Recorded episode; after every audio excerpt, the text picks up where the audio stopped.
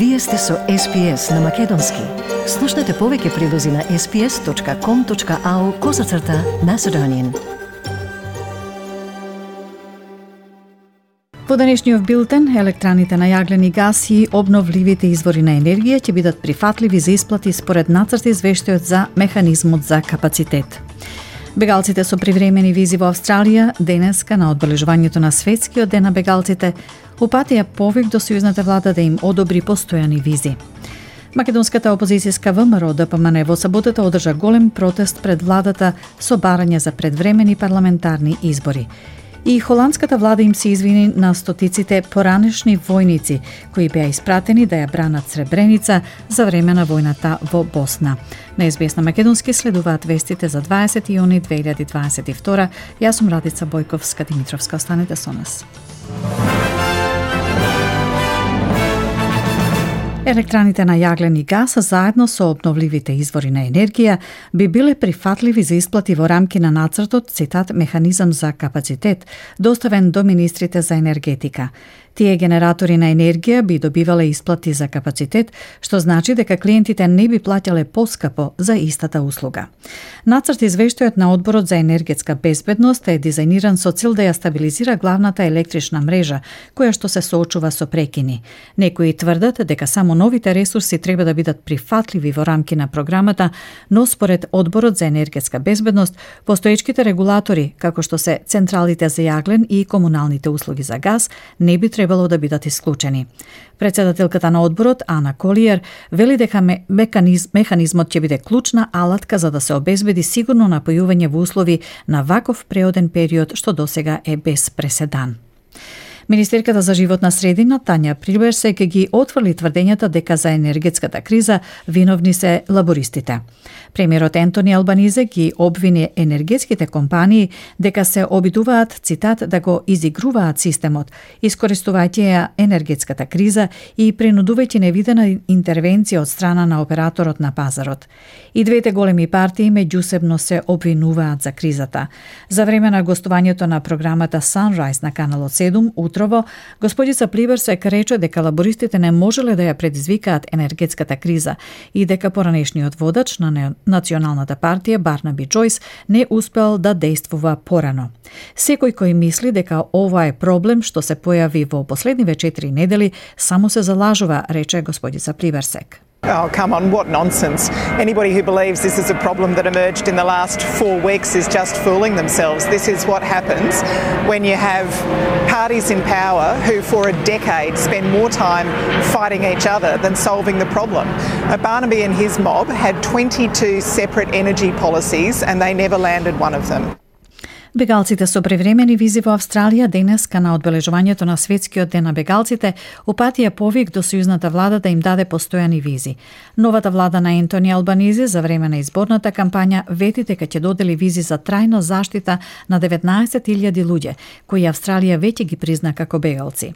Иранскиот бегалец и психолог Реза Ростами пристигнал во Австралија со брод од Индонезија во 2013 година. Тој за SBS News изјави дека на целото семејство му било тешко да живее во неизвестност до постојаниот престој. Тоа беа 10 години, вели тој, под ментална тортура, анксиозност и депресија.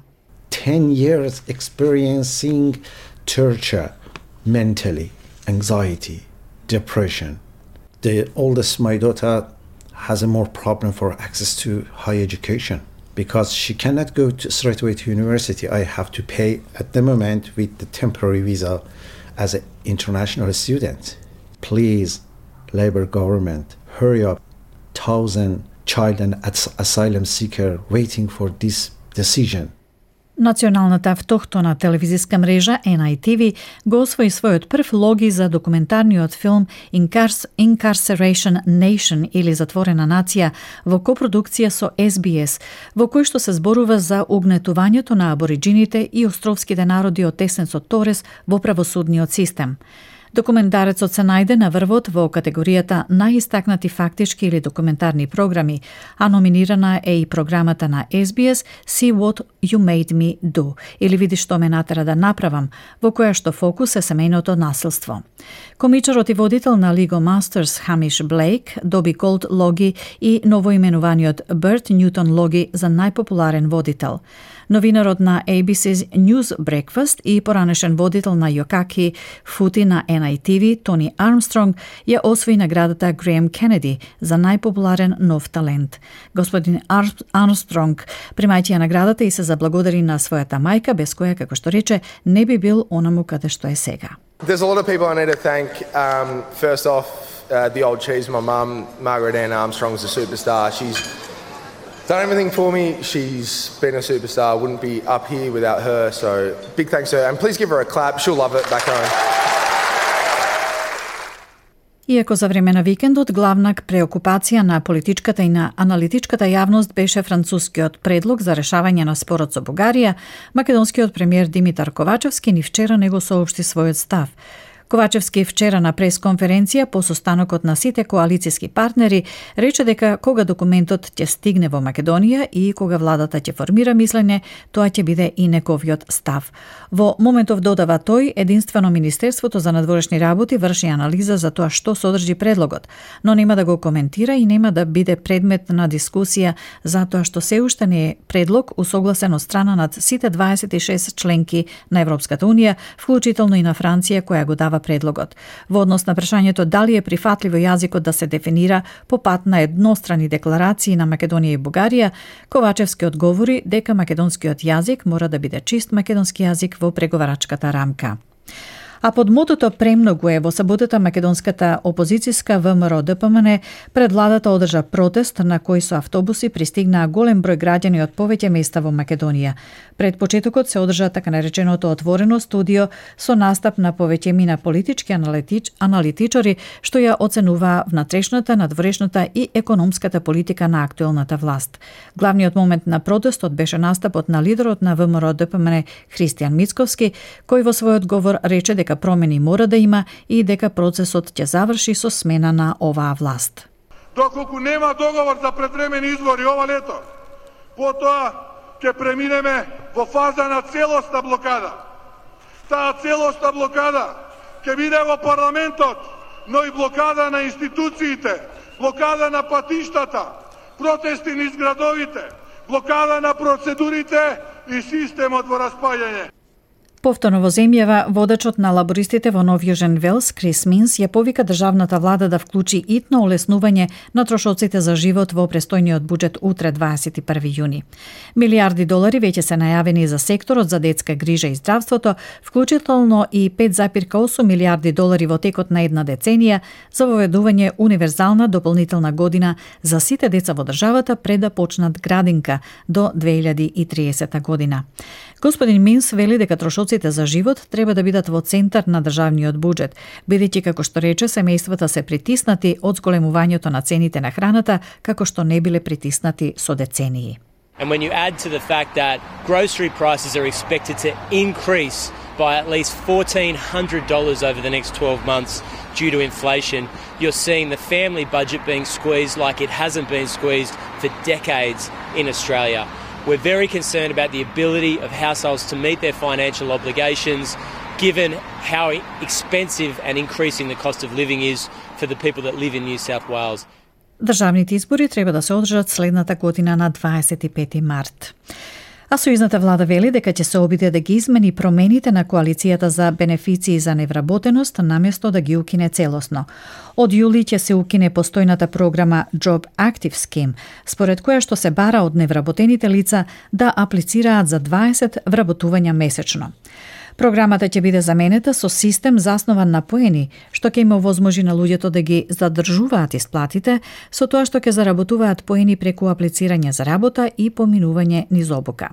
Во изјава за Sky News, министерот за вработување вработување Тони Берг вели дека новата програма има недостатоци, но дека тие може да се поправат и дека системот ќе биде дизајниран да ги потикнува луѓето да работат наместо да ги казнува. what the government's designed. Some of it's more punitive than actually getting the job done. We want to make sure, and I'll be changing it over the course of the next week, to make sure that we can have a system that's designed to get people into work rather than some media stunt to punish people. Првите оклопни транспортери кои што и беа подарени на Украина тргна од базата на кралските австралиски воздухопловни сили во Квинсленд минатата недела. Четирите возила наменети за транспорт на војници на бојното поле беа натоварени во украински авион и се првите што ги обезбеди Австралија. Владиниот, за владината воена помош вклучува подршка во вредност од над 285 милиони долари, вклучително и оклопни возила, артилериско оружје со долг дострел, против оклопно оружје, муниција, беспилотни летала и лична опрема. Вице-премиерот и министер за одбрана Ричард Маус изјави дека е горд што дава подршка за Украина и ја осуди како што ја нарече континуираната неоправдана агресија на Русија против народот на Украина. Шефот на НАТО вели дека војната во Украина би можела да трае со години, бидејќи Русија ги засили своите напади, откако Европската Унија препорача Киев да стане кандидат за членство во блокот. Јенс Столтенберг вели дека снабдувањето со најсовремено оружје за украинските војници ќе ги зголеми шансите за ослободување на источниот регион Донбас од руската контрола, но признава дека тоа би можело да потрае со години. Тоа уследи по слични коментари дадени од британскиот премиер Борис Џонсон, кој го посети Киев во петокот на 17 јуни. Холандската влада им се извини на стотиците поранешни војници кои беа испратени да ја бранат Сребреница за време на војната во Босна. Во јули 1995 година околу 8 илјади муслимански мажи беа масакрирани откако холандските сили беа прегазени од војните единици на босанските срби. Последователните холандски влади во текот на годините инсистираа дека вината е на Обединетите нации што не обезбедиле воздушна подршка.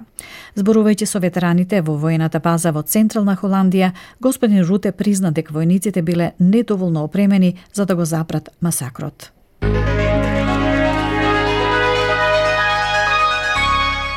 Од најновата курсна листа денеска еден австралиски долар се менува за 0,66 евра, за 0,69 американски долари и за 40,2 македонски денари, додека еден американски долар се менува за 57,98 македонски денари, а едно евро за 60,82 македонски денари.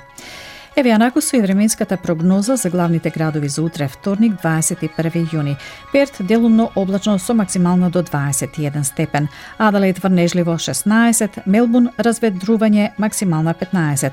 Слаби врнежи предпладне се прогнозираат за Хобарт максимална 14, Камбера врнежливо 13, Сиднеј услови за дожд попладне максимална 20, Бризбен претежно сончево 22, Дарвин претежно сончево 33 и сончево за Спринг со максимална до 20 23 степени.